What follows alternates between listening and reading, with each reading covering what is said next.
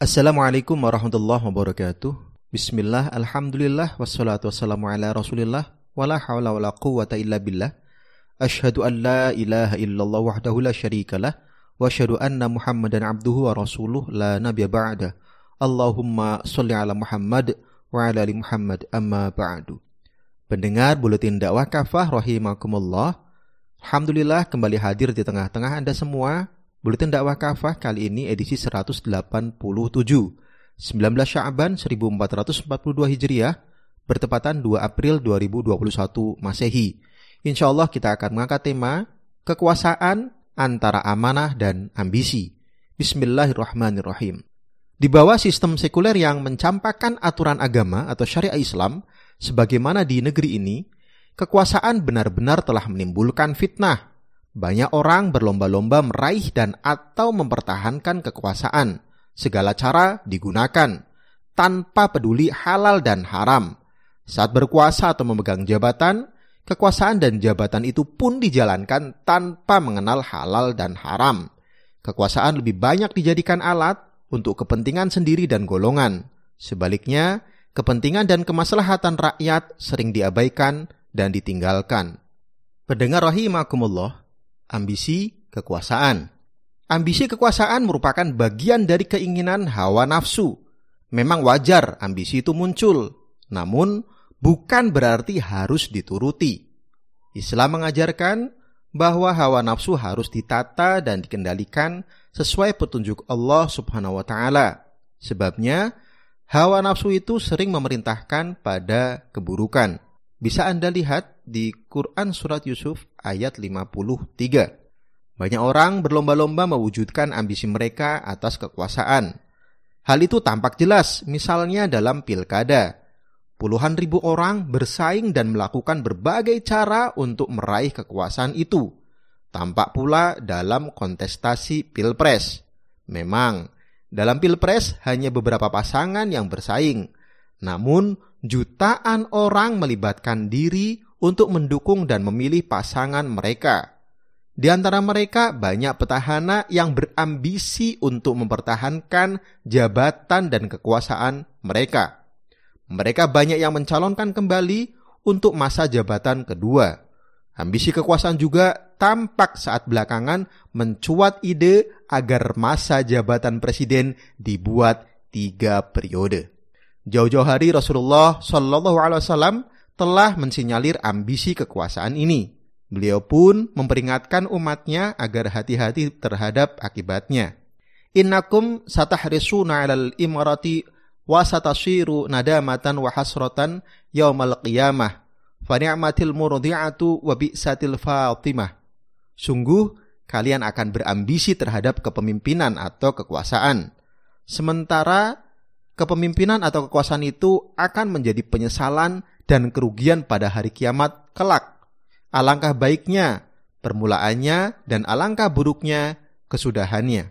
Hadis riwayat Al-Bukhari, An-Nasai dan Ahmad.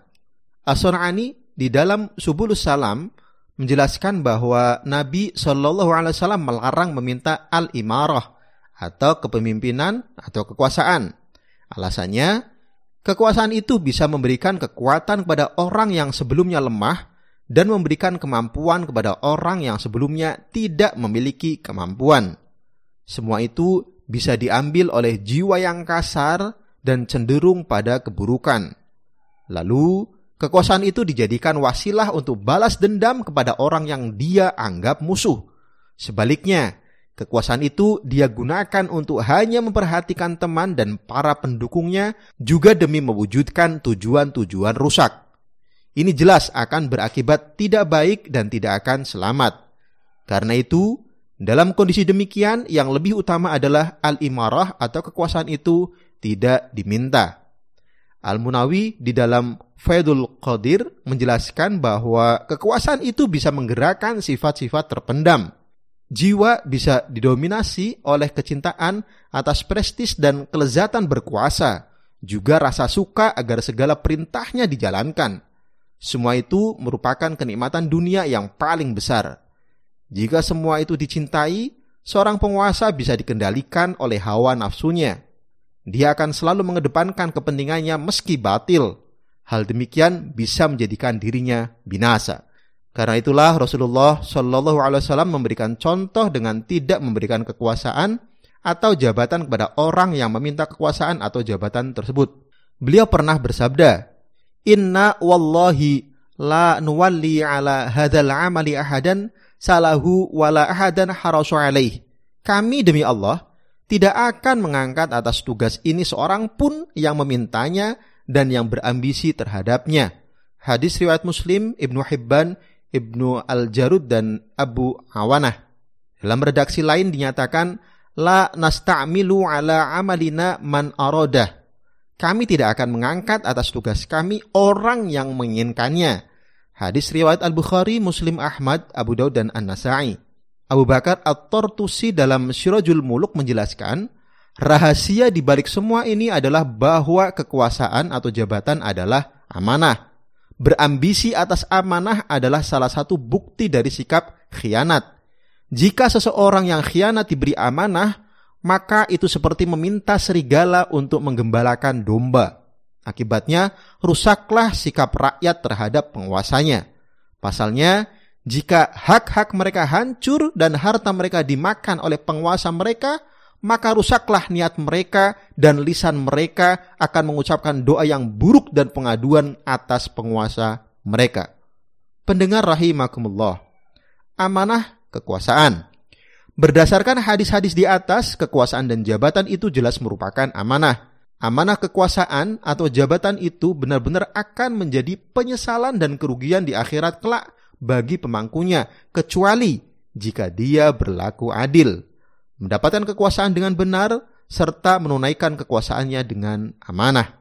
Kewajiban penguasa seperti dalam hadis Abdullah bin Umar radhiyallahu an adalah memelihara urusan-urusan rakyat. Riayah syu'un ra'yah. Riayah itu dilakukan dengan siasah atau politik yang benar, yaitu seperti yang dijelaskan oleh Imam An-Nawawi di dalam Syarh Sahih Muslim riayah atau siasah yang baik itu tidak lain dengan menjalankan hukum-hukum syariah serta mengutamakan kemaslahatan dan kepentingan rakyat. Begitulah sosok pemimpin yang adil. Dia dicintai oleh Allah Subhanahu wa taala dan umat karena menjalankan hukum-hukumnya dan menunaikan amanahnya. Allah Subhanahu wa taala berfirman dalam Quran surat An-Nisa ayat 58, A'udzu billahi minasyaitonir rajim. Bismillahirrahmanirrahim. Innallaha ya'murukum an tu'addul amanati ila ahliha wa idha hakamtum bainan nasi an tahkumu bil adl. Sungguh Allah menyuruh kalian memberikan amanah kepada orang yang berhak menerimanya. Juga menyuruh kalian jika menetapkan hukum di antara manusia agar kalian berlaku adil. Imam At-Tabari dalam tafsir At-Tabari menukil perkataan Ali bin Abi Thalib radhiyallahu an Kewajiban imam atau penguasa adalah berhukum dengan hukum yang telah Allah turunkan dan menunaikan amanah. Jika ia telah melaksanakan hal itu, maka orang-orang wajib mendengarkan dan mentaati dia, juga memenuhi seruannya jika mereka diseru. Inilah dua sifat yang melekat pada pemimpin yang adil. Pertama, menjalankan hukum-hukum Allah SWT dalam pelaksanaan ibadah umat, muamalah, hukum-hukum ekonomi Islam, tentang kepemilikan, pengelolaan kekayaan milik umum, keuangan negara, hukum peradilan dan pidana Islam, hudud, jinayat, ta'zir maupun mukhalafat, hukum-hukum politik luar negeri dan sebagainya. Yang kedua, menunaikan amanah riayah, yakni memelihara semua urusan umat seperti menjamin pemenuhan kebutuhan pokok, sandang, pangan, papan bagi tiap individu warga negara, menjamin pemenuhan pendidikan, kesehatan dan keamanan secara cuma-cuma, serta melindungi rakyat dari berbagai gangguan dan ancaman. Dalam memelihara urusan rakyat, penguasa hendaklah seperti pelayan terhadap tuannya. Sebabnya, Sayyidul Qawmi Khadimuhum. Pemimpin kaum itu laksana pelayan mereka. Hadis riwayat Abu Nuaim. Rasul Shallallahu Alaihi Wasallam banyak memperingatkan penguasa dan pemimpin yang tidak amanah atau khianat dan zalim mereka adalah pemimpin jahat sebagaimana hadis riwayat At-Tirmizi. Pemimpin yang dibenci oleh Allah SWT dibenci oleh rakyat dan membenci rakyatnya. Hadis riwayat Muslim. pemimpin yang bodoh atau imaratus sufaha, yakni pemimpin yang tidak menggunakan petunjuk Rasul dan tidak mengikuti sunnah beliau. Hadis riwayat Ahmad. Penguasa al-hutomah, yakni yang jahat dan tidak memperhatikan kepentingan rakyatnya. Hadis riwayat Muslim. Penguasa yang menipu atau ghoshin rakyat. Hadis riwayat Al-Bukhari dan Muslim. Rasul Shallallahu Alaihi Wasallam pun memperingatkan agar tidak mengangkat pejabat orang yang tidak layak. Sementara ada yang lebih layak atau lebih mengutamakan orang yang disukai dan orang dekat. Sebagaimana dalam hadis riwayat Ahmad dan Al-Hakim. Pendengar rahimakumullah, demi melayani Islam. Kekuasaan yang dikehendaki oleh Islam adalah yang digunakan untuk melayani Islam sebagaimana yang diminta oleh Rasul Shallallahu alaihi wasallam kepada Allah Subhanahu wa taala sebagaimana dalam Quran surat Al-Isra ayat 80. A'udzu billahi minasyaitonir rajim. Bismillahirrahmanirrahim. Waj'al li min ladunka sultanan nasira. Berikanlah kepadaku dari sisi engkau kekuasaan yang menolong. Di dalam tafsirnya, Imam Ibnu Katsir mengutip Qatadah menyatakan Nabi Shallallahu Alaihi Wasallam amat menyadari bahwa beliau tidak memiliki daya untuk menegakkan agama ini kecuali dengan kekuasaan. Karena itulah beliau meminta kekuasaan agar bisa menolong kitabullah, menegakkan hudud Allah, menjalankan berbagai kefarduan Allah, dan menegakkan agama Allah.